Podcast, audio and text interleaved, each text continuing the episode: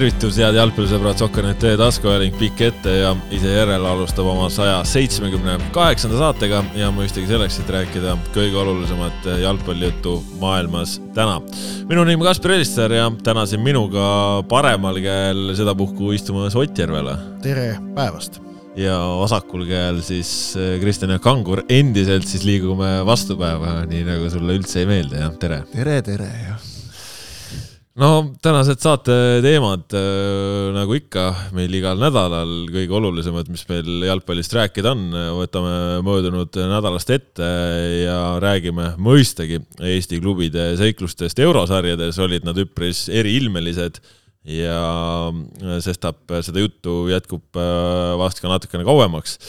Lisaks äh, mõistagi vaatame ka premium-liigale otsa, sellepärast et nädalavahetusel mängiti üle ajaga üks täisvoor ja saate teises pooles äh, on veel oma segment ka naiste EM-finaalturniiril, mis pühapäeva õhtul Inglismaal omale sedapuhku äh, lõpu sai. aga alustame ikkagi olulisematest äh, asjadest. ühesõnaga neljapäeva õhtul Paide linnameeskond tegi Pärnu rannastaadionil kõvemat sorti ajalugu, sellepärast et kui me rääkisime äh, siin äh, mõned nädalad tagasi, kuivõrd ajalooline oli kõik see, et äh, Paide oma eurovastase alistas ja jõudis konverentsi liiga teise eelringi, siis äh, see temp, mis nüüd toime pandi, oli ikkagi kolossaalselt suurem, ehk siis alistati lausa teine eurovastane ühe eurohooaja jooksul, viiendat korda üldse Eesti jalgpalli ajaloos. Selline vägitegu tehtud sai ja lõpuks siis taas penaltiseeria oli see, mis äh, Paide seal Pärnus äh, võidule kandis ja Ararat Armeenia jaoks eurohooaja lõpetas. no Ott, äh, sina olid seal mängul kohal, tribüüni peal, tunnetasid neid emotsioone, kogu seda õhustikku, seda pinget. vist ikka väga vägev kogemus ja mäng, mida koha peal oma silmaga tunnistada. jah seda ma vastan pikemalt ei, sa ei pea, me võime piirduda lühidalt ka. ma oleks küsinud järgmise küsimuse ees. jah, hea küsimus oli vastan jah. Äh, aga ma, ma olen nüüd proovinud äh, järgnevatel päevadel veidikene enda peas mõtestada, et mis selle äh, neljapäeva juures, mis nagu nüansid siis kõige rohkem vast muljet avaldasid või, või, või takkajärjele rõõmu teevad, siis üks asi, millest minu meelest siiamaani eriti räägitud ei ole, oli, oli tegelikult see kindlus, mida Paide läbi terve kohtumise üles näitas.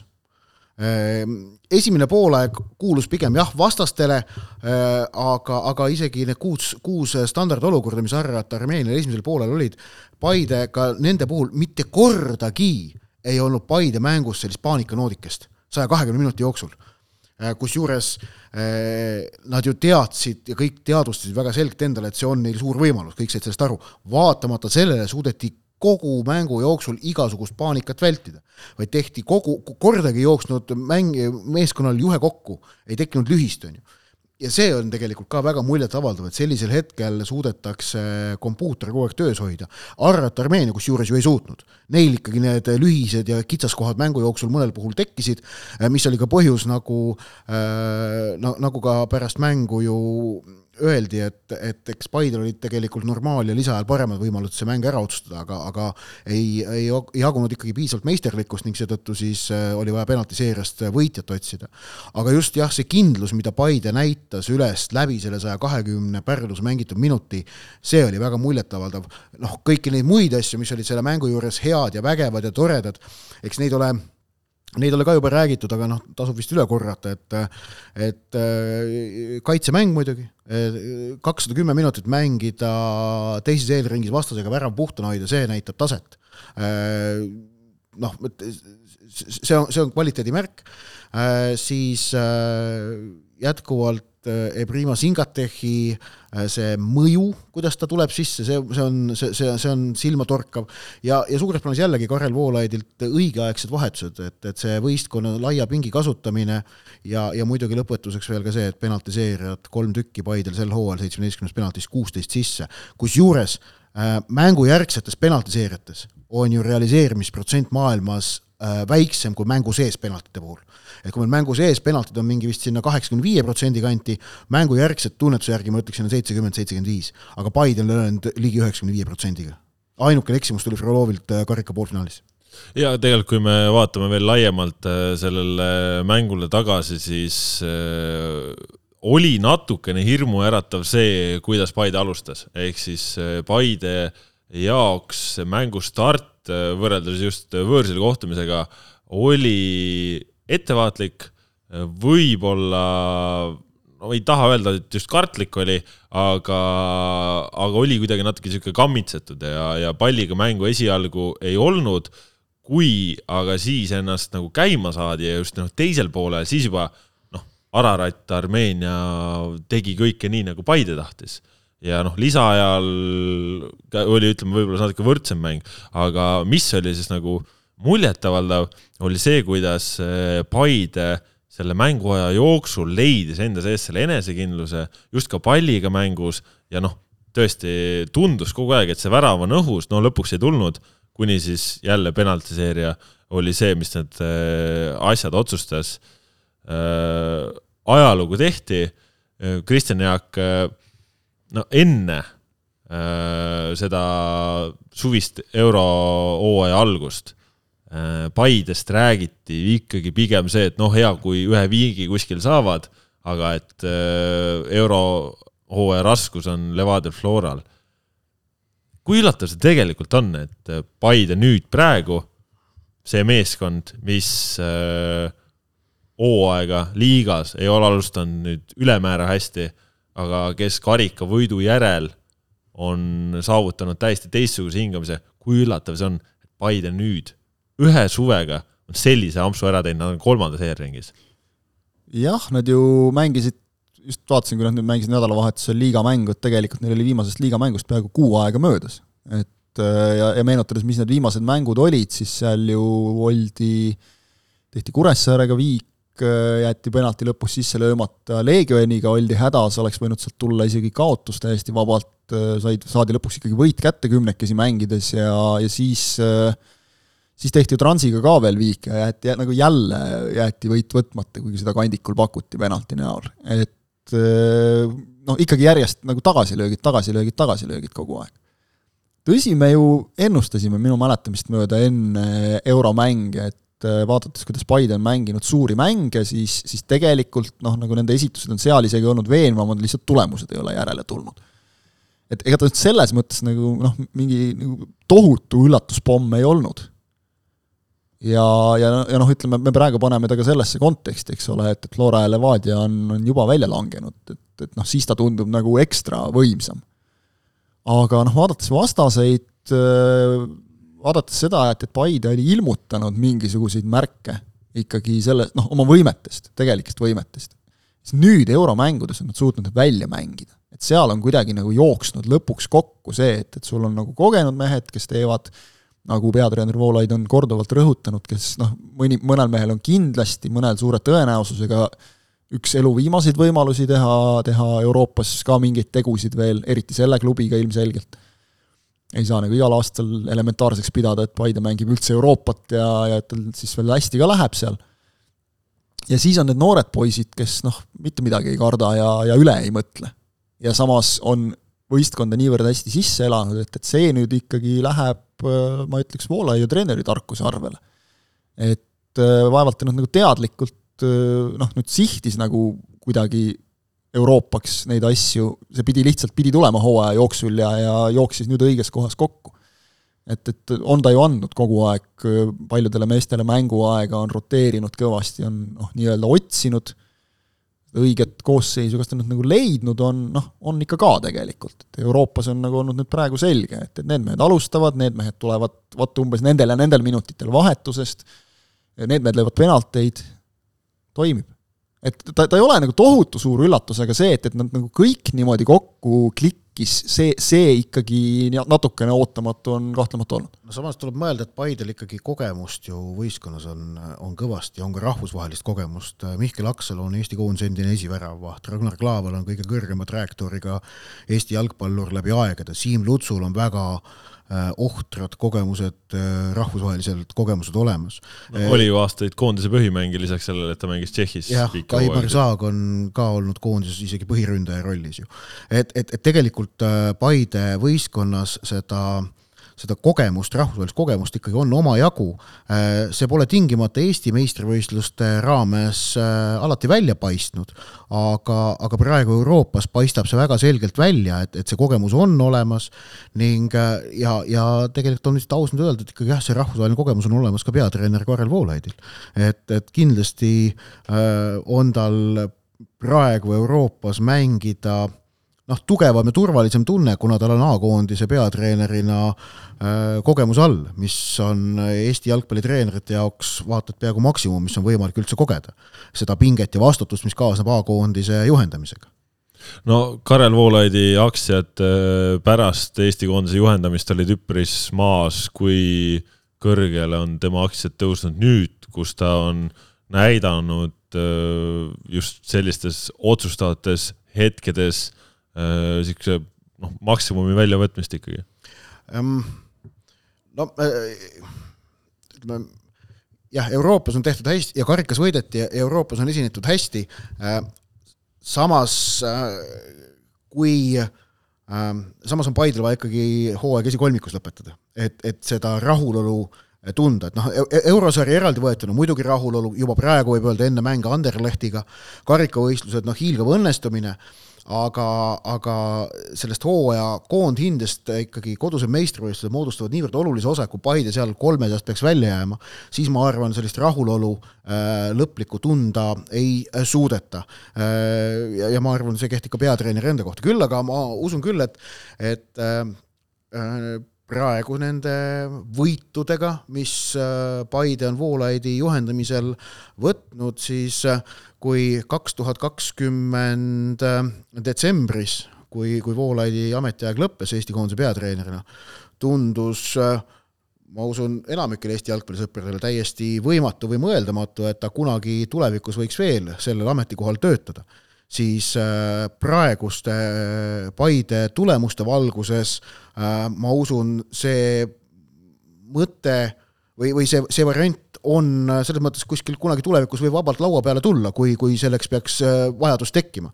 et, et ma, ma siit ei ütle seda praegu, et Voolaid peaks olema kas järgmine või ülejärgmine koondise peatreener, aga ta, äh, ma usun, noh, vaata, nagu sa ütlesid, ta aktsiad olid päris all, aga praegu nende tulemustega on väga selgelt, on ta oma neid aktsiaid rehabiliteerinud. ta, ta ei ole enam koondise juures persona non grata nii-öelda koondise fännide jaoks nagu ütleme. no jah, jah. ma just mõtlen nagu noh, kõrvaltvaataja pilgu läbi, et, et vahepeal tal oli ikka täiesti nagu selline, et noh, see, see mees ei tohi enam mitte kunagi saada nagu sinna. et, et see, sellest on ta vabaks saanud ja, ja seda on nagu hea meel näha ka, et kui antakse seda tehakse, seda tehakse nagu, mäletad, Veiko Veskimehega ma tegin pärast karikavõitu intervjuu Paide presidendiga, seda, sellest, sellest märgist saadakse vabaks ainult ja ainult läbi tulemuste. jah, just nii nagu, eks ole, me oleme siin rääkinud, et kõik just respektid ja kõik asjad, noh, need tulevad nagu läbi tulemuste, eks ole, et, et see, see on, see on nagu selles mõttes see jalgpalli võlu, et, et noh, sellega sa saad kõik patud heastada ja nagu me näeme tegelikult väga kiiresti, et selleks oli praegu vaja põhimõtteliselt ühte kuud ja tegelikult noh, mõnda mängu. Polegi rohkem tarvis no mida see eurohooaeg äh, Paidel veel toonud on, on äh, raha, äh, väga palju raha, kui Paide esindusmeeskonna hooaja eelarve on seal circa miljoni tuuris olnud, siis nüüd on juba praegu väga lähedale suurusjärk summa teenitud juurde. Ott, sa oled seda rahaasja korralikult menetlenud kui suur kasu siis äh, reaalsuses äh, Paidel sellest kõigest on, sest noh, see on tulu, mida ei ole klubi eelarvesse ju sisse kirjutatud. jah, noh, see kaheksasada viiskümmend tuhat on praeguse seisuga summa, mis on tagatud, mille UEFA Paidele selle eurohooaja eest maksab. aga jah, nagu ma laupäevases artiklis ka kirjutasin, siis, äh, siis noh, tegelikult eh, ligi pool sellest kulub ka selle eurosarja käigus ära juba reis Armeeniasse läks maksma klubile äh, sada tuhat. Äh, lihtsalt, et lennupiletid kohale, koha peale sõitmisest, et Euroopa lennunduses valitseb praegu teatavasti, teatavasti noh, totaalne kaos. nii et, nii et kulud on ka tegelikult olnud ikkagi arvestatavad, näiteks kodumängude Pärnus korraldamine oli, oli klubil ikkagi kahjumlik, ehk et piletikassa ei katnud ära selle mängu läbiviimisega seotud kulusid. nüüd Anderlehti mängu puhul, noh, ma ise loodan küll, et Paide seadis endale väga ambitsioonika eesmärgi, no ma tegevjuht Jaanus Pruuli ütles mulle selle välja ka, et, et et nad loodavad, et esimene tasand, A Le Coq Arena esimene tasand on vist circa seitse tuhat kohta, et nad loodavad, neil on põhjust lahti teha ülemine tasand ning, ning äkki õnnestub jõuda viiekohalise publikunumbri lähedale. see, see on ambitsioonikalt välja no, öeldud. väga ambitsioonikas. jaa, aga ma nagu ei saa aru, miks seda, miks nad ei peaks niimoodi ambitsioonikad olema ei, see, sest see, see energia, mille nad on tekitanud, see energiaväli äh, on, on arvestatav. ning lisame juurde veel ühe selle ikkagi väga sellise äh, vägeva faktori, et äh, Ragnar Klavan on konkreetselt ikkagi noh, ta on Paide mängija ja Ragnar Klavan oli, oli mängija, keda terve Eesti kaks aastat vaatas Premier League'is äh, Liverpooli särgis. et mul on tunne, et, et see, see, see faktor võib ka siin päris olulisel määral seda, see, aidata seda publikunumbrit tõsta. Paide peaks sellele keskenduma ka siis jah, aga, aga noh, selge see, et ma, ma, no ma ei, ma ei usu ka, et kümme tuhat ära tuleb. aga see, et tuleb üle viie tuhande, ma, võimalik, et ma olen nagu loll optimist, aga ma arvan küll, et tuleb no siin on muidugi nüanss on see ka noh, üks asi, et, et äh, suurem staadion äh, ei ole seda, et keegi ei saaks tulla lõpuks, aga noh, mäng on Tallinnas, äh, mis avab võimalusi rohkematele inimestele ja mis on võib-olla kõige olulisem, et teised Eesti klubid samal ajal ei mängi, ehk siis Eesti jalgpalli fookus kõik on selle ühe õhtu peal ja kolmas nüanss on Anderleht ise ühest küljest atraktiivse vastasena, aga teisest küljest ka no. suure äh, võimsa fänniarmeega, armeega Belgia klubina, kes on oma hooaja algust alles käimas, mis tähendab, et noh, võõrsilt on ka oodata omajagu pealtvaatajaid. Äh, ja ma usun küll, et võõrsilt tuleb ka, nüüd kas Anderleht on atraktiivne vastane, siis ma tegelikult julgen väita, et noh, ei ole. eelmisel aastal oleks olnud rohkem, Vincent Kompany oleks küll tõmmanud siia inimesi äh, temaga, tema nimega oleks müüa saanud. lihtsalt, lihtsalt noh, tähendab, jalgpalliinimesed saavad aru, kuivõrd kõva koht on Belgia kõrgliiga. aga mul on, ja, ja Anderleht on selle Belgia kõrgliiga ikkagi bränd number üks, kuigi ta ei olegi viimastel aastatel seal tingimata meistriks tulnud, aga, aga noh, ta on Belgia, kui sa hakkad Belgia jalgpalliklubisid noh, niimoodi nimetama kõige tuntumatest, no Anderleht võidab. kui rooside sõjas teed selle asja näiteks, no, no tegelikult on, et Anderleht on see, kes on number üks sel juhul, aga Äh, fookus, e, e, jalgpalli jälgimise fookus selles suures avalikus ruumis on niivõrd äh, rõhutatult nelja-viie tippmise liiga peal, et kõik see, mis sealt allapoole jääb, tegelikult ei pälvi mitte mingit tähelepanu. kui sa võtad nagu niimoodi Portugal veel natukene ja. saab, kuna Porto ja Sporting Benfica on meistrite liigas aeg-ajalt play-off'is või seal noh, väljalangemismängudes, aga oleme ausad, Belgia klubi jalgpallist ei tea Eestis mitte keegi mitte midagi. noh, no, no tegelikult seda ei jälgita, sellele ei pöörata tähelepanu ja Anderleht on nagu noh, see on nimi, mida küll teatakse, aga ta ei liigitu atraktiivseks vastaseks. Eintracht liigitus, sest see oli Bundesliga. just, et Eintracht ja Anderleht panna kõrvuti, siis on nad tõenäoliselt suhteliselt nagu võrdsel pulgal, aga lisad Eintrachtile selle, et see on Saksamaalt, see on Bundesliigast.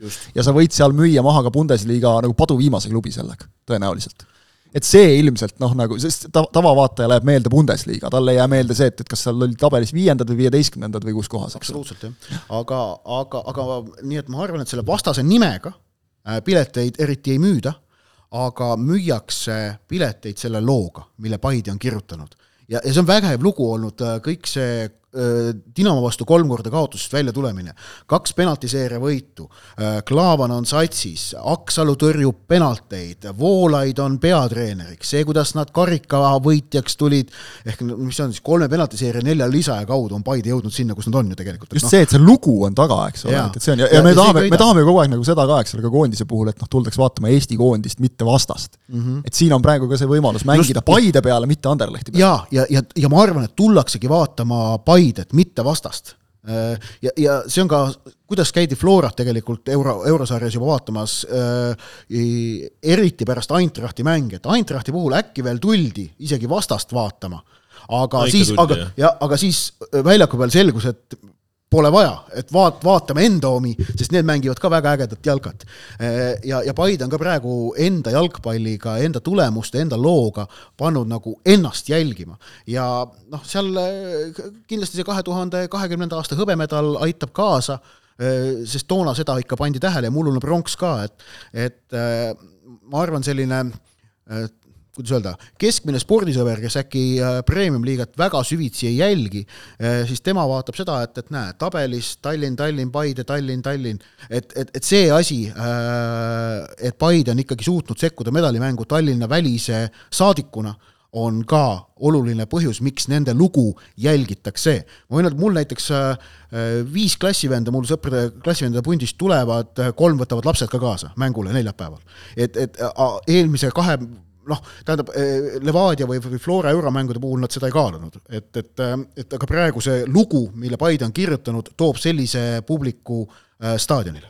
Ja mul on kusjuures sama lugu rääkida just enda klassivend niisama moodi ütles, et et see Paide on kuidagi nii sümpaatne oma viimaste tegemistega, et tõesti elab kaasa neile ja, ja noh, ehk siis see on praegu tõesti südameid võitnud ja üks, üks oluline asi on see ka, et Flora Levadia, noh, igal aastal mängivad nad eurosarja, eks ole, jagavad siin tiitleid omavahel, et noh, reaalselt on see, et, et kui sa ei ole emma-kumma fänn, siis sul on veidike kopp ees sellest, otse öeldes. Paide on mingit uut hingamist toonud, eks ole, ma arvan, et see mängib ka nende kasuks praegu. vaata, Nõmme Kalju võttis ju ka selle rolli, kui nemad äh, tulid esmalt meistriks ja siis ka tegelikult noh, Kalju mängis Euroopas pigem edukalt äh, seal äh, eelmisel kümnendil.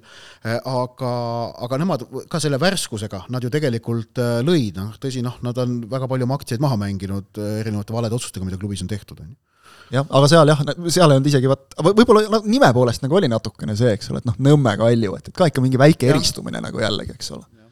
Et see, see võiks töötada ka Paide puhul, samasugune loogika. aga et see Paide teema siin kokku võtta, noh muidugi penaltiseeria puhul me ei ole Mihkel Aksalut veel kiitnud, kiidame siis ka ära lihtsalt, et on ta välja öeldud, et see on suurepärane ja tõesti noh, lööjaid Ott juba tõi esile. see on, tegelikult see on ikka sõgedalt hea, kui, kui, kui, kuivõrd hästi on Paide löönud, aga jah, Aksalu kaks tõrjet. ma ütleks, et mõlemas seerias nagu penalti, mille sai ära võtta, selle võttis ära ülejäänud löö-, ülejäänud löögid olid tegelikult no see Ararat Armeenia, see löök, Suhteliselt mille Aksel ära võttis, see oli, see oli päris kehvasti löödud See oli- see oli ikka suht plonn, aga noh, jah. see ei tähenda, et jah, et see ei võta siis väravahist midagi ära, aga, aga, aga, aga see kahtlemata oli just nimelt tõrjutav penalti, selle ta sai kätte, jah. Ja- ja, aga, aga peab vist rääkima sellest ka, mis nüüd ikkagi Paide šansid Anderlehti vastu. just täpselt see ongi see viimane teema püstitus Paide puhul, et Anderleht ja, ja, ja mis siis oodata on? kui õnnestub kodust ära minna nii, et äh, asjad ei ole täitsa selged, oleks see väga suur õnnestumine, ma ütleksin niimoodi. Sihuke samasugune viigiga õnnestub kodust ära, kui kodus viigi kätte saab, kujuta ette, see oleks, see oleks ju noh, tohutu õnnestumine, kui õnnestuks kodus viik saada. see on päris pull, et eh, kogu selline resümeering on olnud enne igat eh, Paide esimest mängu esimeses eelringis, saaks sealt Gruusiast kuidagi inimliku tulemuse, küll siis oleks hästi, võitsid. saaks sealt Armeeniast kuidagi nii, et oleks teises mängus millegi peale mänguda, viik. Ja noh ju siis tuleb nüüd ka või kuidas sul? noh, see, see, see vaata ja, ja, me rääkisime praegu sellest, kuidas nad lugu on kirjutanud. kui see esimeses mängus tuleb tulemus, saadakse viik kätte no, siis see... see pikendab seda lugu koheselt järgmise nädala kordusmänguni ja, ja annab sellele Paide pallile veel nagu hoogu juurde, sellele lumepallile. no päris suur lumepall ikka, jah. sest et noh, jalgpallis loll on see, kes jätab unistamata oleme ausad, no see on, see on täielik, see on paras debiilik, kes jätab ikkagi jalgpalli vaadates, jätab unistamata enda lemmikmeeskonna hea, hea käekäigu variandid no. see, see on alati, peab, no. see on alati see, mille kohta ma ütlen nagu ka, et, et kui enne koondise mängu, et no ei, siit täna ei tule nagu, et miks ei, no, sa võtad iseendalt ära selle võimaluse, et, et juhtub midagi ilusat? Ei no jah, enne mängu juba. ei no tähendab, reaalne seis ongi, et kui Eesti mängib, ma ei tea, Belgia või, või Tšehhiga, et noh, pigem ei tulegi, jah. jaa, aga loot-, selles mõttes minna nagu teadmisega, et niikuinii ei tule. see on ka vale. see, see nagu jah, ei, ei, ma ei tea, ei jah. Anderlehtil on, on kaks mängu koduliigat mängitud, ega neil rohkem midagi ei ole peale, peale sõprusmängude. Ja, ja seal nüüd viimane mäng äh, kaotati. ehk et ideaalne algus pole olnud, nii et, et noh, see on see Eesti klubide võimalus alati eurosarjades, et, et nõelata neid, kellel on hooaeg alles alanud, see on üks väheseid noh, trumpe, mis sul on, kui sa saad tugeva vastase endale vastu selle pealt võiks ju, võiks ju midagi teha.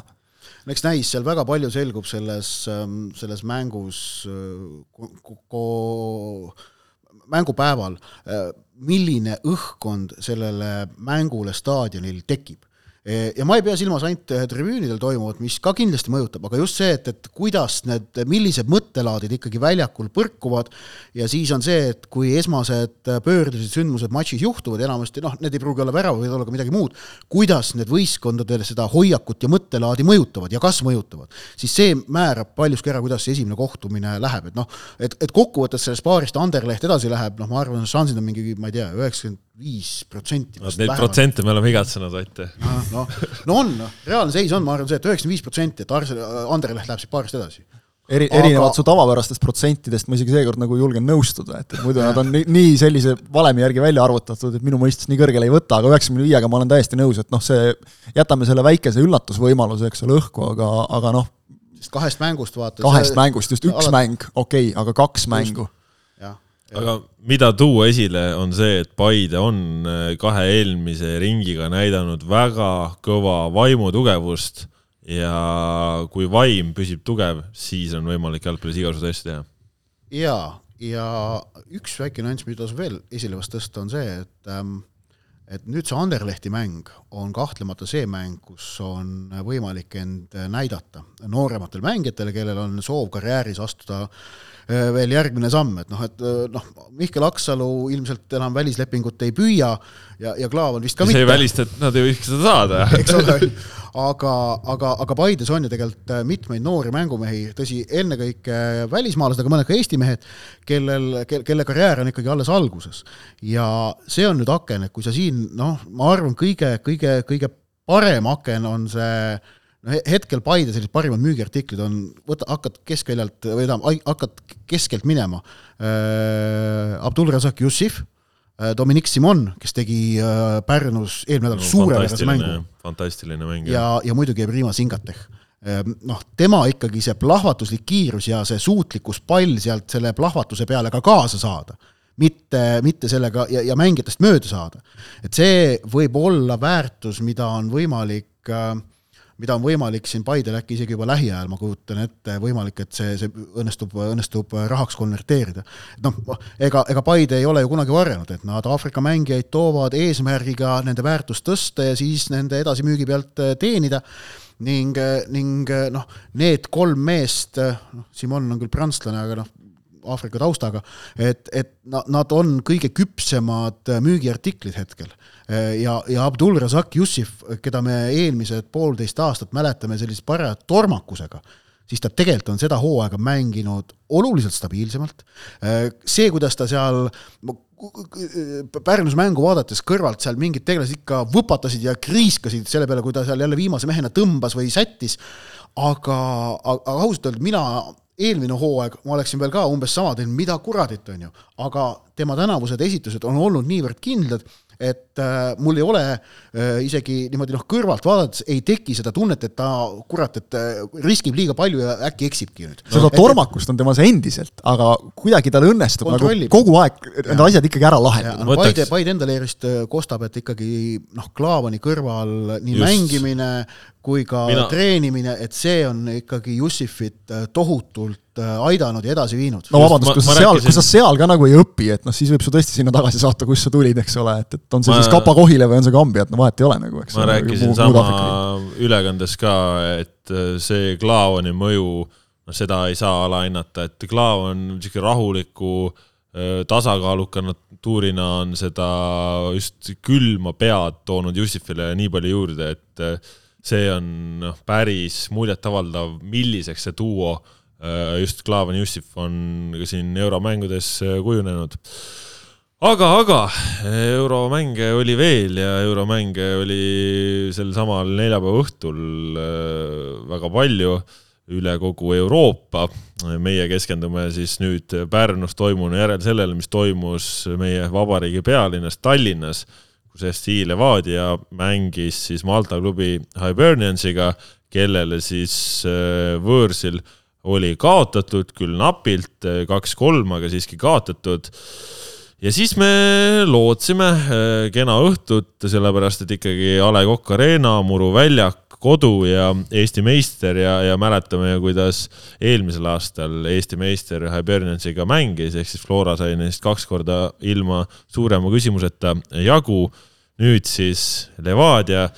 mina ei näinud seda mängu, olin ise Pärnus ja ma esialgu küll äh, olin sellise mõttelaadiga, et äh, jaa, et täna Levadia mäng, jõuan koju, panen mängima, vaatan üle Äh, ei olnud seda soovi ega isu jah, miks mul ei olnud seda, Kristjan Jaak? tahaks teha ennem ikkagi selle kokkuvõtte ka ära Levadia eurohooajast, sellise tsiteerides klassikuid, et et lutt, lutt, lutt.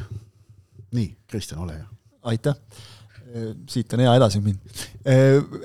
jah, noh, jah, Levadia tegi selle oma, oma selle hooaja parima euromängu. kahjuks jäi nagu selgelt väheks kahjuks jäi selgelt väheks, et noh, ei olegi midagi öelda tegelikult, selles mõttes, et äh, jah, noh, viik tegelikult tuli, eks ju, aga, aga noh, sisuliselt oli ta, nagu sa ütlesid, lutt, jah. Et, et see, see on hea küsimus, miks nagu nii julmalt lati alt ikkagi läbi joosti, sest et tegelikult noh, vähemalt mulle tundus, et mehed ise nüüd nagu uskusid selles kordusmängus äh, ka nagu lõpuni välja, et noh, veel võib siit tulla. ja tegelikult noh, nagu ka Lillekülas nagu usuti veel, et noh, come on, et no selle Hiberniansi saab ju ikka ära võtta, et see on ju jõukohane vastane. ja see oligi jõukohane vastane tegelikult, kui vaadata, nende mäng põhines noh, sellel füüsilisusel, noh, vastupidavusega oli juba nii ja naa, distsiplineeritusega nagu veel natuke rohkem aga miks nad pealelööke rohkem sooritasid kui Levadia? vot, eks et miks nad lõid põhimõtteliselt kaks korda rohkem peale kui Levadia, eks. et me, ma seal pai-. esimesel äh, poolel, esimesel poolel tekkis kohati küsimus, et oot, kummal seda väravat siit vaja on? sest Pärnus oli see, et, et noh, aeg-ajalt Soccerstandi või selle Livescore'i äpist äh, Soccerstandi äpist vaatasime kolleeg Mart Järjeliga Õhtulehest äh, ja, ja Heigo Kaljurand ka Delfist oli, et vaatasime, noh, mis see skoor on ja siis, äh, et noh, null-null oli pikalt, on ju, siis paned, on ju, ikka selle statistika ka, et saaks nagu mingitki aimu, mis seal mängupildis võib olla, ja siis oli küll see, et, et oli see nagu selline kerge, et mida, miks niimoodi või mis toimub, et miks nagu on Hiberniansil rohkem pealelööke? alustati seejuures tegelikult Äh, teravalt, alustati hästi. et noh, Ivan äh, Stoikovitš proovis nüüd seda, sisuliselt see on ju see, mida Savits Vassiljev tuua kasutas siin, et kolme keskkaitsjaga, sul on kaks kaitsvat poolikut, kaks ründavat poolikut, ääred, üks ründavam, teine kaitsvam ja siis tipuründaja et sisuliselt oleks samamoodi, noh, ta tegi seal päris kõvasti nagu muudatusi äh, küll, küll nagu isikkoosseisus nii-öelda, osaliselt sunnitult, kuna Marko-Oliver Roosnuppu ei olnud, Murat Velijev alustas, oli väga hea, alguses ja siis lihtsalt ei saanud enam palli. seda mainis, mainis ka Stoikovitš pärast mängu, et, et probleemid olid läbisöödud esiteks ründajale või ründavatele mängijatele liini, liini taha, mida tegelikult äh, Hibernians äh, pakkus. eriti esimesel poolajal, kus, kus tõesti noh, kohati oli, et nagu pigem nemad nagu kontrollisid ja ründasid ja olid vastase poole peal palliga. tegelikult seda nagu oli, neid sööte ei tulnud korralikult. ja teine oli, oli palli viimine siis noh, nii-öelda teisele äärele, ehk siis, siis vabale äärele, kus iseenesest just nagu Velijevi äärele oleks võinud sinna otsida küll, aga ega see pall sinna eriti ei jõudnud. ja, ja, ja noh, siis oligi nii, et Brent Lepistu mängis kolmeses liinis vasakpoolset meest, mis selles mõttes jälle noh, nagu paratamatu risk, et jah, ta, esiteks on ta ju ikkagi poolkaitsja, teiseks on ta mänginud küll kolmeses liinis, olude sunnil, aga võrdlemisi vähe ja keskmist meest. et noh, kõik kohavalikud, kõik asjad, ikka päris tükk läks, aega läks enne, kui nad Artur Pikaga seal nagu paika said, et, et, et kes kus on ja, ja kes mis tsooni katab ja, ja millal kuhu liikuda ja, ja Ilja Antonov keskväljal, noh, see oli nagu selles mõttes, ta on ju olnud täiesti Levadias okei okay, vigastuse tõttu küll, aga ma ütleks täitsa kriminaalselt alakasutatud nagu, et, et noh, mis on siis väljendunud omakorda nagu võrdlemisi kehvas vormis, kui ta on väljakule saanud, aga see on täiesti loomulik, et noh, kui sa ei saa nagu pidevalt aega, siis sa oledki natuke ebakindel seal. ja tahad, tema puhul see pigem väljendub nagu selles, et noh, tahad nagu üle kompenseerida ja kõike seda, et ühesõnaga neid logisevaid kohti oli liiga palju Levadia mängus ja kokku see andiski ühe sellise noh, suure nagu logisemise, et võtame kas või näiteks selle, et lasti endale värav lüüa, kus nagu standardolukorras, mida seal võeti, kas mehi või tsooni ja, ja noh, lõpuks kaotati nagu ikkagi väravalööja nii või teisiti täiesti ära, löödi kohe vastu, mis oli tegelikult ju noh, korralik hoop, korralik hoop vastastele, et, et oligi ainult ühte väravat veel vaja, et viia mäng lisaajale, mängida jäi siis reaalselt koos üleminutitega sellest hetkest veel umbes viisteist minutit. ja selle aja jooksul sisuliselt ei olnud Levadial mitte ühtegi nagu reaalset väravavõimalustki aga see üks-üks oli tegelikult ikkagi ju tagajärg. Tagajärg sellele, mis eelmises kahes mängus oli, euromängus oli juhtunud ja Levadia eurohooaega nüüd kokkuvõttes on ilmselgelt see probleem oli kaitsemäng. Levadiale löödi Euroopas kahesaja seitsmekümne minutiga kolme mänguga kümme väravat.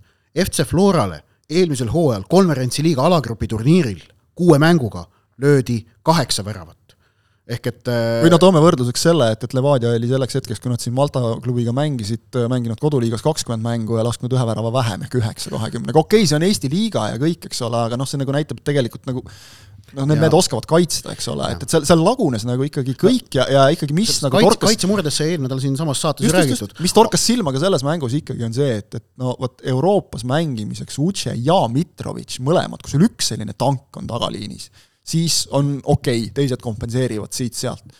aga kui nad on sul seal mõlemad, siis ikkagi noh, see on probleem tead, mida oleks vaja olnud sinna tagaliini või? Äh, seda Rasmus Peetsonit, kes mängis äh, kolmeteistkümnendal juunil Albaania vastu Tiranas suurepärase kaheksakümmend kaks minutit sel samal positsioonil kolmese keskkaitseliini, kolmeses keskkaitseliinis.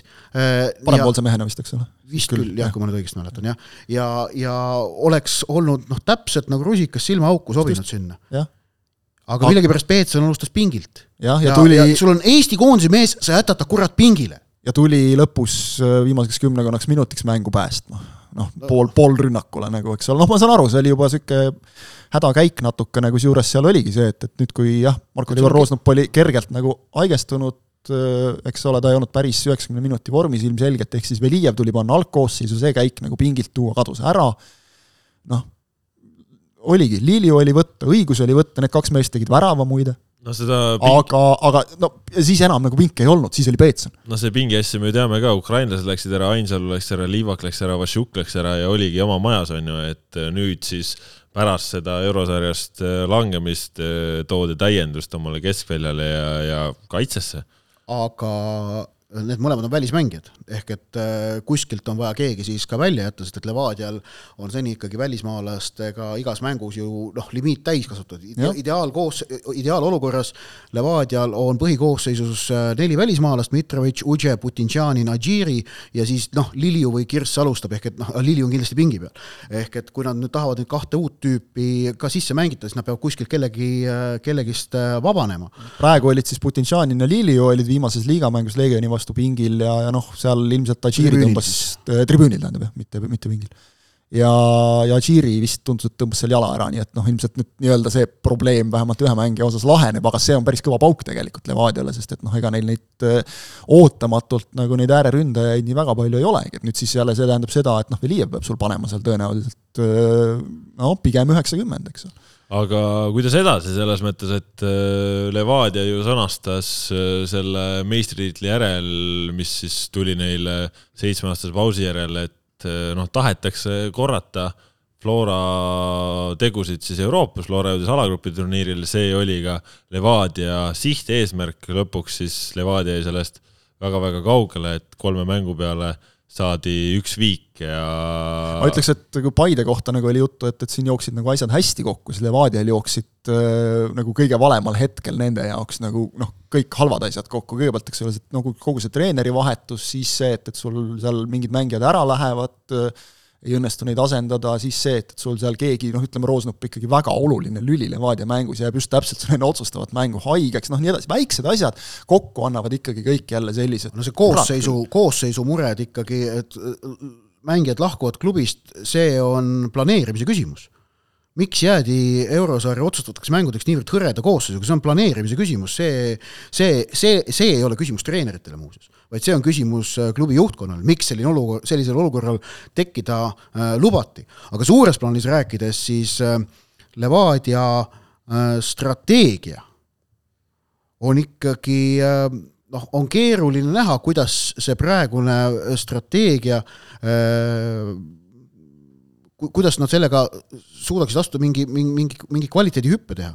selle jaoks, et kvaliteedihüpet praegu Levadial teha, on neil vaja eh, tuua endale oluliselt kvaliteetsemaid välismaalasi, kui need, kui, kui need, keda, kes praegu klubis mängivad. ja, ja mitte selliseid, eks ole, nagu ütleme, Lili ja Uche, kes on küll nagu noh, vähemalt Eesti liiga mõistes väga tublid mängijad, aga, aga kelle ikkagi noh, karjääri nagu loojang hakkab ikka päris tugevalt paistma juba. Te, teine kvali-, võimalus kvaliteedihüpe teha oleks muidugi Levadial noh, see, teha sedasama, mida on teinud Flora ja Paide ja mõlemad edukalt, ehk et hakata endale ise mängijaid kasvatama, äh, aga see tähendab seda, et sa pead nendele noortele mängijatele andma esindusvõistkonnas olulisi ja kaalukaid kohtumisi. Äh, no mida et, praegu näiteks Velijev saab, on ju, ühe, ühe positiivse näitena. jah, aga, aga vähe. aga ja, mis, mis teid te, teine näide võiks olla, võiks olla Nikita Vassiljev, aga noh, täpselt samamoodi vähe, veel vähe ja, ja noh, ütleme, et õiged, esimesed õiged sammud selles suunas on tehtud, eks ole, kõik nagu duubli arendamise ja kõige sellega et no vähemalt saadakse aru, et, et noh, kui sul järelkasvu ei ole, siis sul tegelikult lõpuks ei ole esindust ka, aga, aga noh, sinna see ei, see ei tule üleöö nagu. kui kaua, kui kaua on Paide ehitanud oma seda noortesüsteemi ja seda värki, eks ole, nüüd on nagu tekkinud neil see maine, et, et noored mängijad, kui me vaatame, eks ole, tahavad minna, ütlevad, ütlevad ära tänane uudis, eks ole, Sten Jakob Viidas. Tuleb tagasi Eestisse ja tuleb praegu neljandal kohal olevasse Paidesse, kellel ei ole järgmiseks hooajaks euromängud garanteeritud. Viidas, kes on Euroopa jalgpalli juba nuusutanud, kelle vastu ilmselt oleks huvi ka mujalt, eks ole, oli Robbie Saarma see, kellel oli valida põhimõtteliselt ju Flora ja Paide vahel, kui ma õigesti mäletan, eks ole, ja, ja valis Paide. ja see hooaeg seni tõestab, et õige valik aga mis neid välismaalasi puudutab ja nende kvaliteete, siis tegelikult kui me võtame Eesti liiga, Milan Mitrovic, Marko Putsinsanin, Maximiliano Uce, noh, fenomenaalne tase, siin ei ole olnud küsimustki.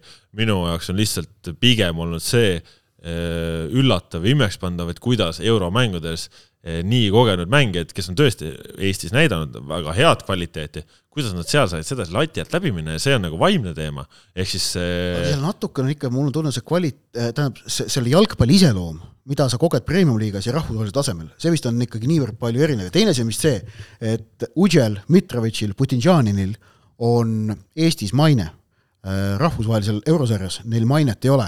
Ja Eestis äh, eks äh, ehitatud mainega jalgpallis ikka kas lõigatakse kasu või saadakse kahju ja, ja nad on selgelt oma mainega, mille nad on üles ehitanud Eestis seni ka väljakul lõiganud kasu, ehk et noh, neid kardetakse.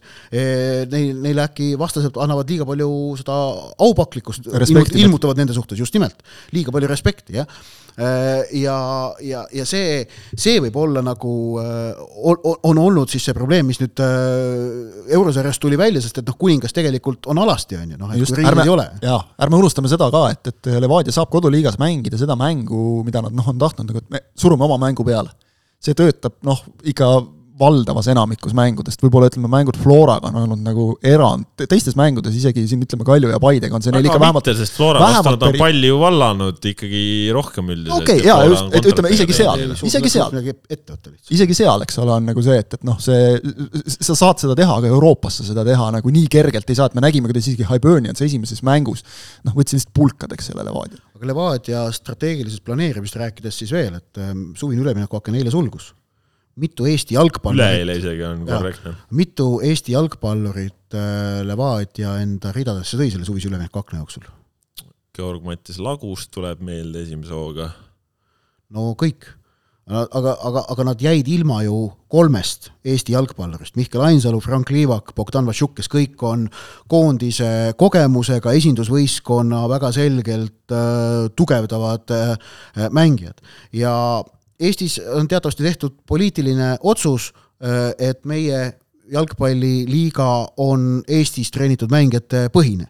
ja noh, selle otsuse üle võib vaielda, mina isiklikult ei vaidle, ma arvan, et see on hea äh, ja, ja mõistlik otsus, ehk et mulle meeldib see variant, mida tehakse Eestis, mitte niimoodi nagu vi-, mitte nüüd et ei, ei tahaks konverentsi, ei tahaks alagrupi turniiri mängida, muidugi tahaks, aga Vilniuse Žalgiris algkoosseisus Malmö vastu oli üks Leedu jalgpallur. et, et see, see on lihtsalt väga teine tee ja mulle meeldib see, et kuidas Eestis praegu on võetud suund. aga neil on, kui kolm koondise kogemusega Eesti jalgpallurid klubist lahkuvad ja neid ei asendata, siis see tähendab jällegi suurt tühimikku. aga miks neid ei asendata, on see, et oleme ausad, eh, Levadial, keda, keda neil võtta oleks kes oleks nõus praegu Levadiasse minema, no ei ole. E, ei olegi selliseid mängijaid, noh, me võime mõnesid välja mõelda, Nikita Ivanov vast oleks olnud mees, keda, kes Levadial oleks võinud ju sobida, aga, aga Legionist äh, nii palju, kui ma tean, teda ei antud lihtsalt ära, et, et äh, ei, ei olnud nõus. See ma ei tea, kui otseselt ka küsiti, aga, aga noh, et Leegionil on kindel plaan, et praegu ta las ta olla nende juures, sest ta saab mängida ja areneda seal. et, et Levadia, Levadial oli, oli ju selgeid raskusi ka värbamisega. et tegelikult jah, oleks praegu Neil oli vaja ETM-e. praegu oleks olnud ideaalne aeg, et kui siin vaatasin just, et ju pikendati noh, põhimeestest Peetsoni, Roosnupu, Belarusviliga ka, eks ole, lepinguid et noh, igati loogiline, sa juba vaatad tulevikku, eks ole, et, et Vältima, nemad, see oli, see oli vältimatu jah, vajadus. Nemad, nemad on, eks ole, selline tuumik, aga praegu olekski olnud just selliseid, ütleme noh, järgmisi nagu Nikita Vassiljeveid, Murat Velijeveid nagu hea aeg tuua. hooaja teises pooles sa saad neid sisse mängitada, eks ole, nad aitavad sul juba siis, mis on Levadia ainus suur eesmärk, nüüd tiitel võita uuesti, aitavad sul seda teha, eks ole, pikendavad su pinki, sul on nagu selgelt sellega probleem, sest okei okay,, sa võid praegu tuua, ütleme ka oma duublist mängijaid noh, veel üles, seal kindlasti on mehi, kes, kes nüüd, kuna kuna see pink on nii lühike, siis kindlasti on neid mehi, kes saavad veel võimalusi sealt, kuivõrd nüüd ei täiendatud ennast. aga Samas..., aga need mehed on täiesti premium-liiga kogemuseta. et sa oleks saanud võib-olla tõmmata siit-sealt kedagi, eks ole, kuskilt, aga, aga see kõik on praegu noh, tegemata. no samas jällegi teist vaatenurka siia juurde, et võib-olla kui nad on enda sellises enam-vähem algkoosseisus üpris kindlad,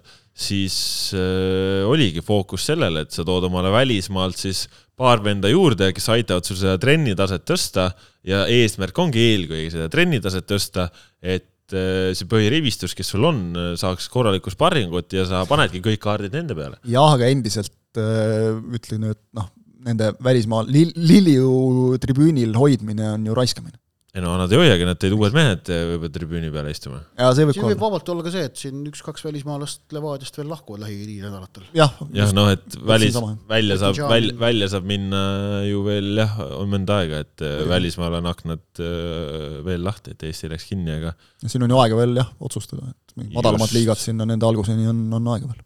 mis siin rääkimata tippliigadest. ei no jaa, muidugi no vot, no sellised jutud siis äh, euromängudest, väga kahju, et äh, Levadia teekond sellise lõpu sai, sest tegelikult ju Eesti jalgpallisõbrad äh, väga lootsid, väga lootsid, et oleks meil seal kolmandas ringis rohkem kui üks klubi ja, ja tõesti noh, Eesti jalgpalli sellise hea tervise huvides ju Eesti jalgpallisõbrad loodavad, et Eesti klubidel läheks hästi ja ärme Eesti meister, kes esines meistrite liigas nii kehvasti või eurosarjas nii kehvasti, oli Infonet ärme saame nagu jah, maksa nagu valesti aru saada, et, et noh, siin isegi Eesti jalgpallurid on nagu pettunud, kui konkurent ei, ei saanud edasi eurosarjas. et no, see on ikkagi see koht, kus noh, kõik, tegelikult kõik hoiavad üksteisele pöialt, et noh no,, siis küll pärast jõuab siin omavahel kakelda nende koduste asjade nimel, eks ole, et tege-, tegelikult on kõigil ikkagi kuradima kahju, et see nii läks. no täpselt olin ise Pärnus, Paide mäng on just saanud ülidramaatilise lõpu,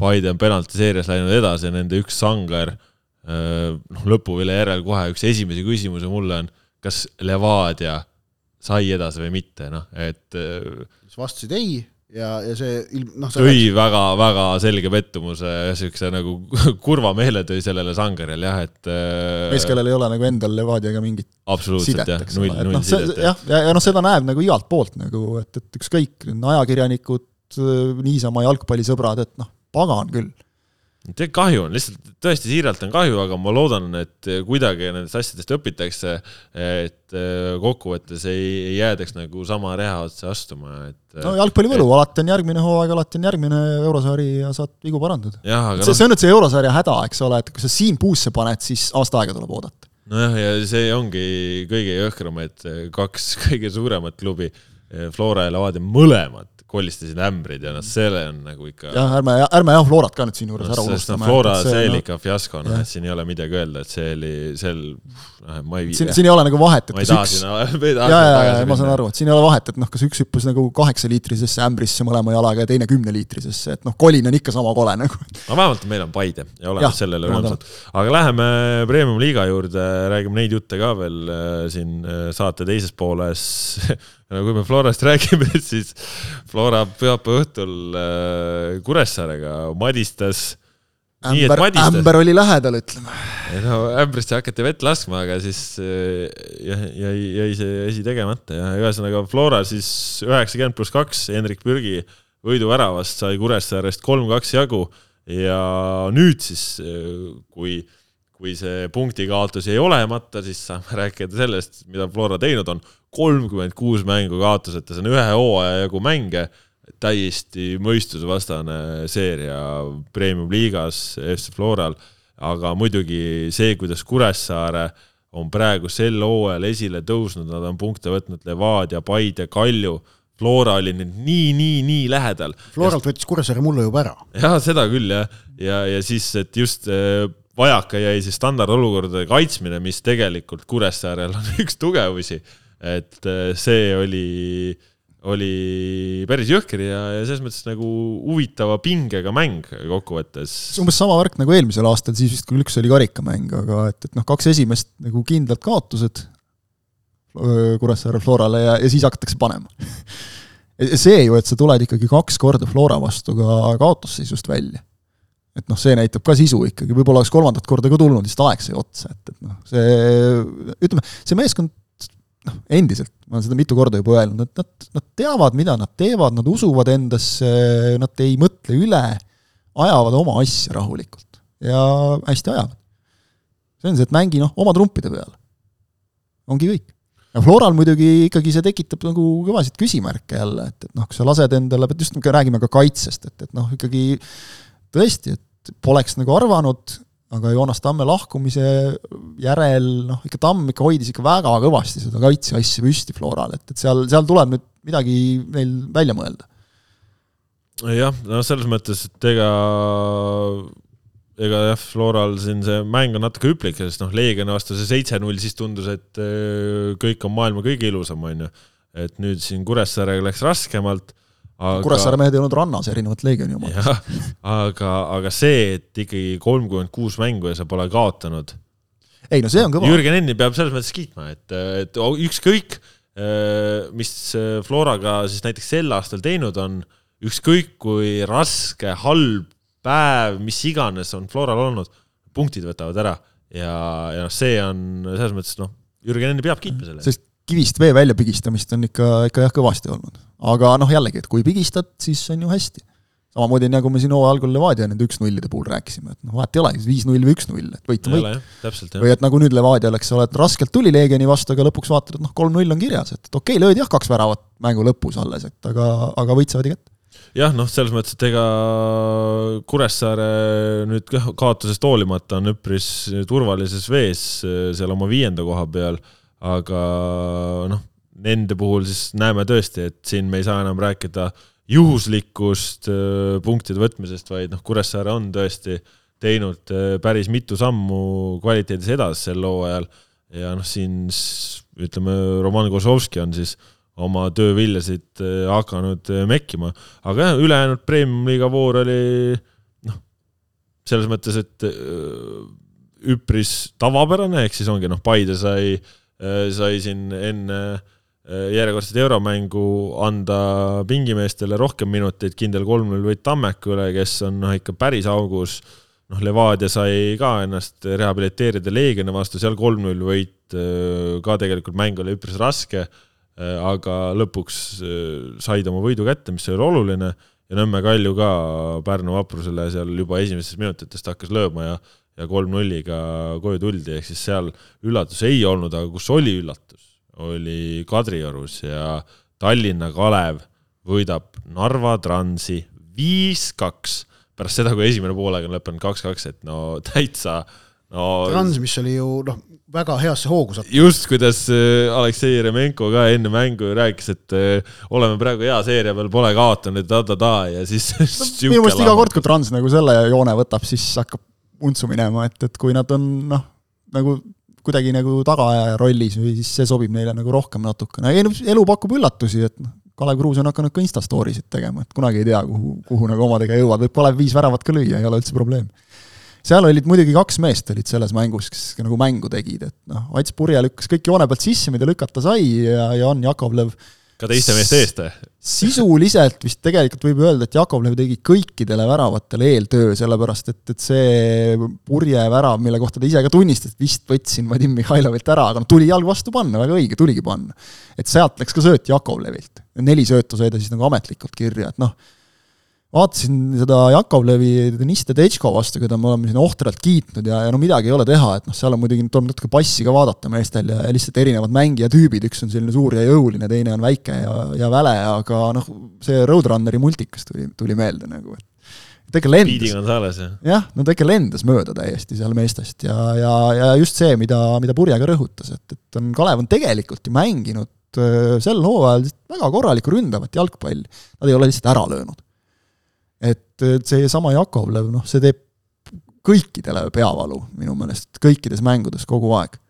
aga lihtsalt ei ole alati olnud mehi, kes ära löövad, eks Purje nagu natuke raputas ka endale tuhka pähe, et, et noh, mõni on jäänud löömata varem ka, nüüd ta oli õigel ajal õiges kohas olemas, noh muidugi kui sul Soomest nagu isiklik fännklaat tuleb, siis on ka lihtne lüüa, eks ole, aga aga noh, ütleme, Kalevil pidi üks selline mäng ka mingil hetkel kuskilt nagu tulema.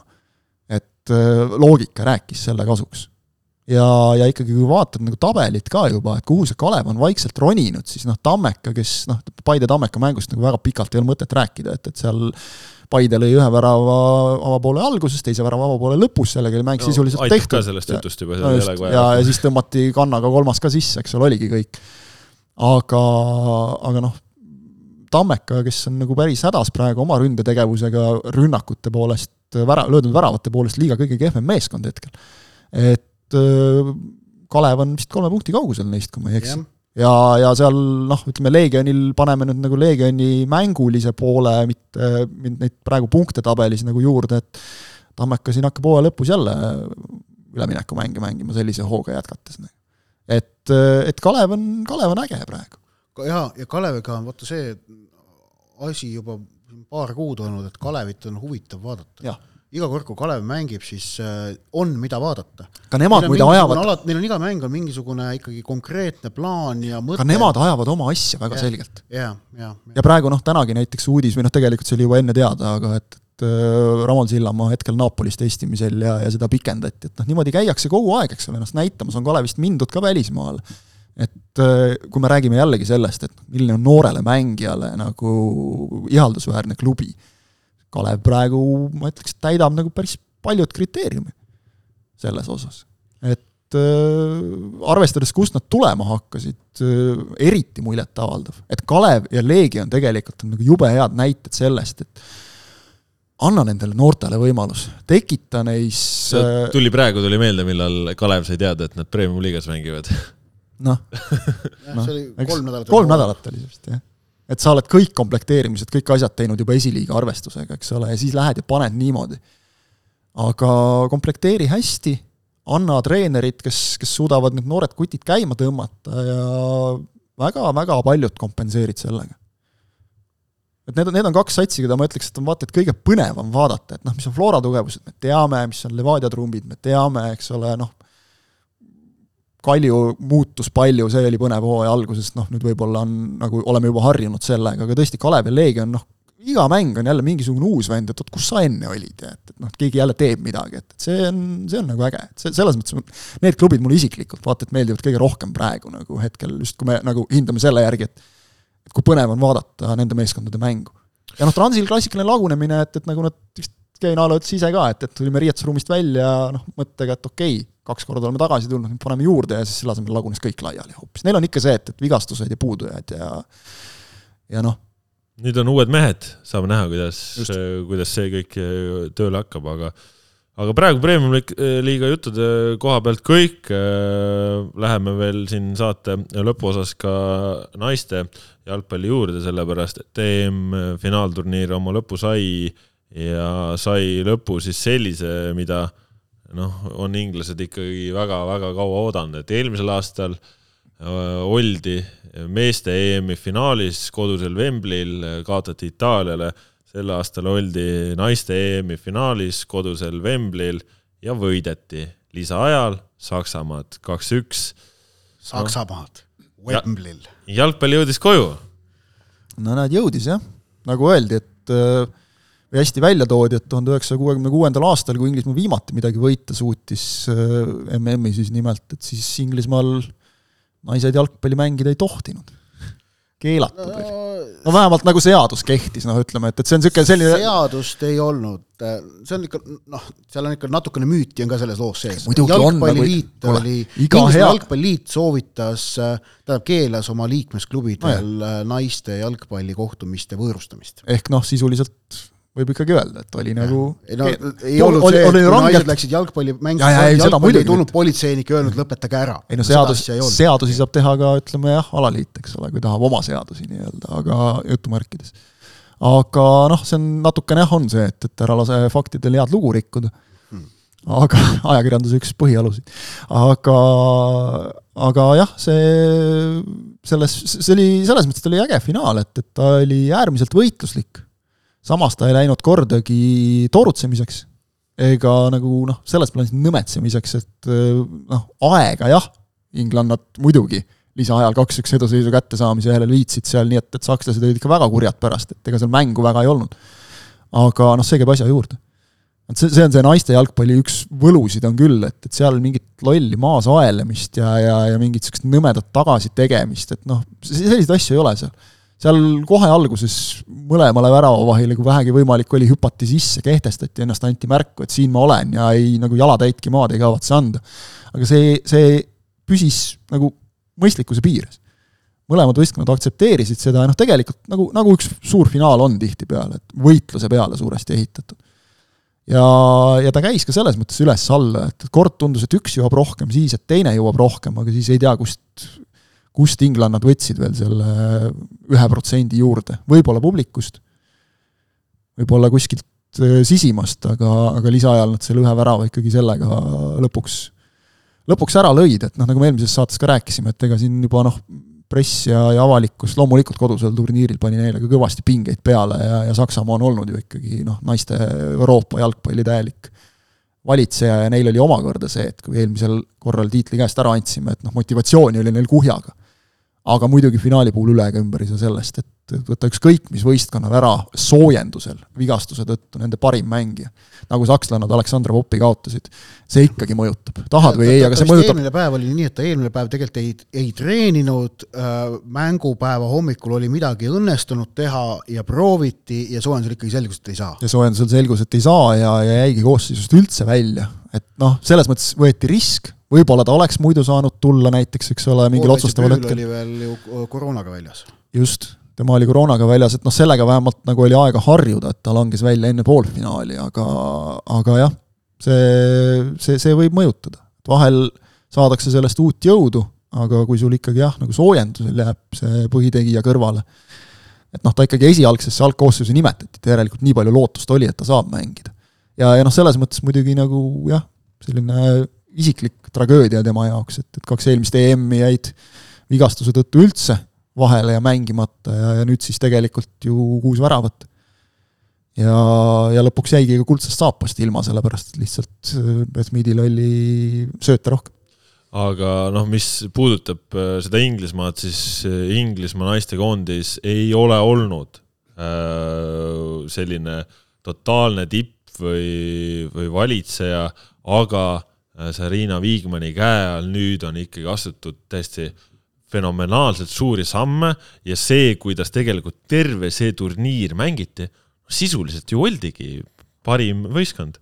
ja, ja just, et äh, Inglismaa oli seni olnud üks tippvõistkondadest, kellel oli aga kogu aeg ikkagi jäi puudu ja, ja mitte natukene, vaid ikkagi noh kui me tipus räägime, et, et no ikka omajagu, jah? no, no ikka midagi jäi, kogu aeg ikka midagi jäi. Viigman aitas nad nüüd tõesti sellest ähm, künkast üle äh,, mis on, mis on kahtlemata väga, väga oluline, ma arvan, ka terve spordiala arengu jaoks äh, Euroopas. sest et äh, Inglismaa on jätkuvalt riik, kes Euroopa jalgpallis kõige rohkem trende määrab. Ja mitte ainult naiste jalgpallis, vaid ka meeste jalgpallis. kuna neid jälgitakse kõige rohkem üks põhjus, miks Inglismaad kõige rohkem jälgitakse, muuhulgas on ka keel. Kuna, kuna tegemist on maailmakeelega, siis, siis on sul alati Inglismaa jalgpalli kohta lihtsam leida huvitavat ja põnevat informatsiooni ja naiste jalgpallis on tegelikult seis sama, mis meeste jalgpallis, et äh, Inglismaa kõrgliiga, kuigi nende klubid, tõsi, ei ole küll äh, naiste meistrite liigat siin viimasel ajal küll võitnud, aga liigana on Inglismaa selgelt tugevam kui Prantsusmaa või Hispaania just nimelt selle keskmise tasemega ja, ja ka selle, nende palkadega, mida Inglismaal suudetakse praegu naisjalgpalluritele maksta.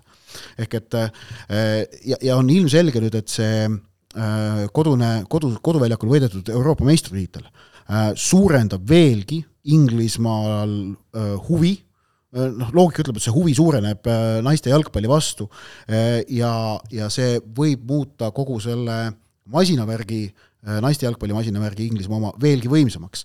Äh, sest asi, mida naiste jalgpall mitte ainult Inglismaal, vaid igal pool mujal vajab, on siis see, et mit-, koondise mäng, äh, koondise, koondise tasemel jalgpall on juba jõudnud vägagi kaugele ja, ja ta toimib.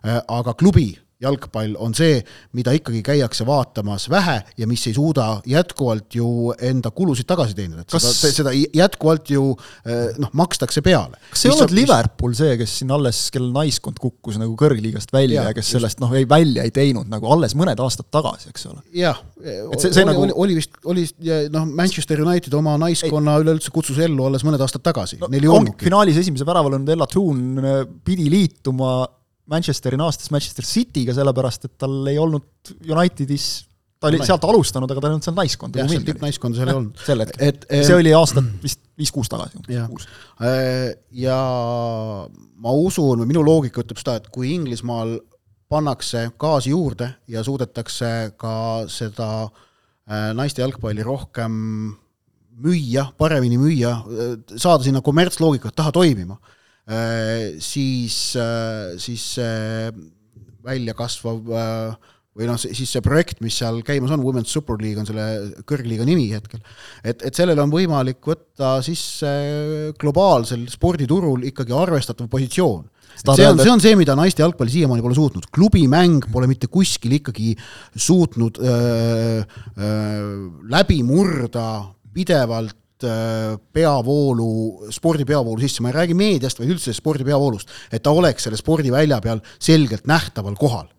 klubi jalgpall naiste oma pole seda suutnud. näed, üks superliiga, mis lendab ka lõpuks ja,. jah, jah, jah et aga, aga kahtlemata ma, ma arvan, et see nagu suurendab võimalusi. ja millest, millest muidugi räägiti palju, et, et noh, see eufooria on suur Inglismaal, eks ole, ja, ja noh, tõesti Wembley täis äh, rahvast äh,, ilus, tore kõik Äh, samas muidugi siin noh, väike häbiplekk oli ka ikkagi see, et, et mingid mängud mängiti kuskil treeningväljakutel põhimõtteliselt, eks ole, et, et noh seal oli see, et seal ei oldud, ei oldud nõus vist äh,, ei saadud nagu staadioneid, selles mõttes, et see ei olnud nagu sunnitud valik, selle, no treeningväljakud need ei olnud, need olid ei, ma, ma liialdan praegu, oli, oli noh, selline ütleme Sportland, Tallinna Sportlandi mõõtu nagu staadion. ei no väljakud, mida kritiseeriti, oli siis Manchester City Akadeemia staadion, mida Manchester City naiskond ja U kakskümmend üks meeskond kasutavad, mis on vist, kui ma ei eksi, seitse tuhat pealtvaatajat ja teine, mida kritiseeriti, oli siis äh, Manchesteri eeslinnas Leis asuv äh, sealse spordikompleksi staadion, pealtvaatajaskond umbes sarnane. ma enne tänast saadet kusjuures kontrollisin üle,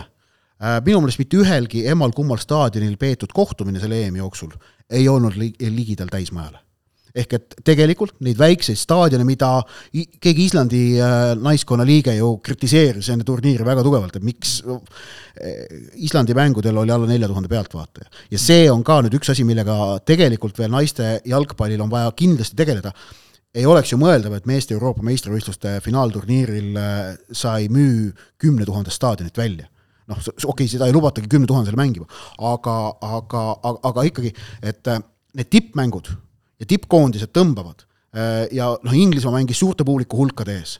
Äh, ka seal Saksamaa, Prantsusmaa olid väga korraliku publiku hulgad, aga noh, meeste EM-finaalturniiril, kui sul on mäng Albaania, Rumeenia, siis ka see müüakse välja. et, et kuidas jõuda äh, naiste finaalturniiridel olukorrani, kus ka need vähem populaarsed, vähem atraktiivsed mängud suudetakse pealtvaatajatele teha apetiitseks ja mis väga tähtis, on ka see, et see teenitav piletiraha ei oleks sümboolne, vaid ta oleks äh, tegelik. No, kaks äh, kaks nüanssi on veel välja toodud nagu selles osas, üks on see, eks ole, et, et äh, need suurriikide koondised ei ole piisavalt noh, nad ei peegelda nagu ühiskonda piisavalt, nad ei ole piisavalt laiapõhjalised, ükskõik, kas me räägime siin nagu rassist või ühiskonnaklassidest või noh, need paratamatult ikkagi käivad koos, ka Inglismaal näiteks, kus toodi välja, et, et mustanahalisi mängijaid selles naistekoondises oli ülivähe, et kui sa võrdled noh, nagu meeste omaga, siis see peegeldab tegelikult nagu jalgpalli mängivate poiste seda haaret nagu oluliselt paremini võib-olla, eks ole, kui, kui võiks nagu peegeldada naiste oma, aga ongi välja toodud, seal ongi see probleem, et noh, kuna naiste jalgpallile tuleb peale maksta tihtipeale, et siis siis seetõttu paratamatult seda satuvadki mängima noh, sellistest peredest pärit tüdrukud, kellel, kelle vanematel see on võimalik ja teine asi on see, et kui me vaatame praegu EM-i finaalturniiri osalejate nimekirja,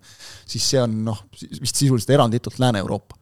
et, et tähendab, et laiendada seda ringi noh, see, see kindlasti see on, on üks, see on väljakutse, see on, see on järgmine eesmärk. aga no põhjus, miks, miks on Lääne-Euroopa ja, ja põhjus, miks noh, me ongi praegu ju räägime hästi palju, et EM-il purustati kõiksugused vaaterekordid nii koha peal, teles ja nii edasi. aga, aga noh, teg-. eilne EM-finaal, eh, seitseteist koma neli miljonit televaatajat Suurbritannias pluss kuus miljonit striimi. Eh, see on, tegemist on Suurbritannia selle aasta kõige vaadatuma telesaatega üldse, mitte ainult spordis, vaid üldse just ja noh, okei okay,, selle taga on konkreetselt see, et eh, Ingla, England mängisid finaalis on ju, ja Inglismaa ei ole kuuekümne kuuendast aastast midagi võitnud, on ju. et see, see on, see on üks nüanss selle taga, aga noh, tegelikult ju selles mõttes eh, just seesama, miks on need Lääne-Euroopa võistkonnad püünel ja nii edasi, ongi see, et eh, naiste jalgpall praegu õitseb seal, kus seda noh, ütleme ausalt nagu forsseeritakse, kuhu sellesse panustatakse rohkem. parimas Sama, mõttes, aga jah. ja noh, nagu e-, heas mõttes küll, aga selles mõttes, et, et me ei saa ennast lasta ka nagu pimestada sellest, et jess, et Wembley oli eile täis, et nüüd äh, naiste jalgpall ongi massidest, no tegelikult ju ei ole. selles mõttes, et kui me vaatame äh, see Wembley'l piletihindasid või kui me vaatame seda, et Inglismaa ise mängis poolfinaalis kolmekümne kahe tuhandesel staadionil ja seal oli neli tuhat vaba kohta, et noh kas me siis saame lasta ennast öelda, et jaa, et nüüd ongi kõik rekordid on tehtud kindlasti, ja just nimelt, et see, see näitab potentsiaali, aga see potentsiaali realiseerimine ei ole mõne aasta töö, see on, see on väga pikk töö, mida tuleb teha ja, ja mida ja, ja naiste jalgpalli valdkonnal on vaja seda, et nad saavutaksid äh, finantsilise iseseisvuse. no just, et, et praegu ka, et äh, ütleme siin Barcelona tegi seal Camp Nou'l äh, pealtvaataja rekordi seal üle üheksakümne tuhande, mis iganes seal lõpuks neid pealtvaatajaid oli, aga me peame siin arvestama seda, et me ei saa seda võrrelda nagu üks-ühele meeste jalgpalliga, sellepärast et see Barcelona rekordipüstitus, noh, seal piletid, see oli sümboolne, see oli sümboolne Barcelona meeskonnamängudel. null või viis eurot oli minu meelest selle naiste mäng. just, sümboolne, just, on, on needsamad äh, massid tuuakse kohale olukorras, kus makstakse sadu eurosid ja noh, see ongi vahe, et praegu naiste jalgpall noh, tegelikult toimib ja elabki meeste jalgpalli pealt ja see hoiab seda elus ja jõuda sinna et äh, naiste jalgpall ka ise noh, suudaks olla sellel kõrgel tasemel, see läheb väga-väga palju väga peenelt. ja me ei saa lasta ennast pimestada,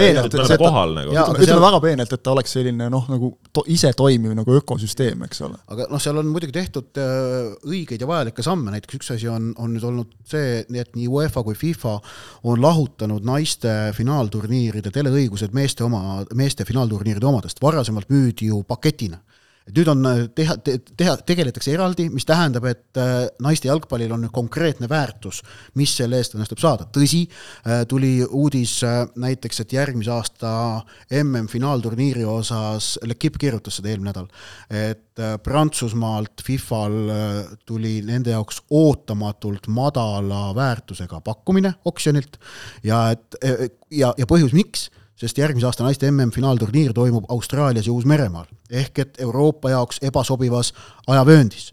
Äh, need on, need on, need on, kõik on raskused, mida on vaja, äh, mis on, mis lihtsalt niimoodi on. et, et kui mängud ei ole sul õhtusel Euroopa aja järgi õhtusel prime time'il, siis tuleb välja, et isegi EM-i poolfinalist Prantsusmaa äh, ja, ja kes on, kelle naiskond on noh, maailma üks tugevamaid, E, et, et sealt ei tule see oodatud teleraha ikkagi kokku, sellepärast et seda ei ole võimalik e, mujalt hiljem tagasi teenida. ega, ega teleõiguste eest makstakse raha sellepärast, et see raha hiljem kuskilt mujalt tagasi teenida. põhimõtteliselt suunad on õiged, aga ütleme, et seda püramiidi põhja laiemaks teha, et noh, selle jaoks on vaja veel tööd ja vaeva, aga ütleme kas või näiteks see praegune EM-finaalturniir, kui me räägime lugudest, eks ole, et lood lummavad. Et noh, kui palju räägitakse praegu näiteks Inglismaa pressis lahti vist kõikide küll Inglismaa koondislaste lood ja, ja taustad ja, ja, ja see võib sul hakata alles vilju kandma siin võib-olla kümne aasta pärast, eks ole, kui praegu väiksed tüdrukud vaatavad, et, et noh, see on tõesti äge asi, millega tegeleda. on lammutatud. jaa, et murda just neid niisuguseid lollakaid müüte, mis on käinud, ütleme noh, nii naiste spordiga üleüldse, kui ka näiteks naiste jalgpalliga kaasas, eks ole, et, et see, minu meelest selles suunas on tehtud viimastel aastatel väga-väga suur töö väga oluline on olnud ka see, et see naiste tippjalgpall, mida me finaalturniiridel nüüd näeme, ikkagi minu jaoks see murrang oli kaks tuhat seitseteist EM, äh, kus, kus toimus selge kvaliteedihüpe.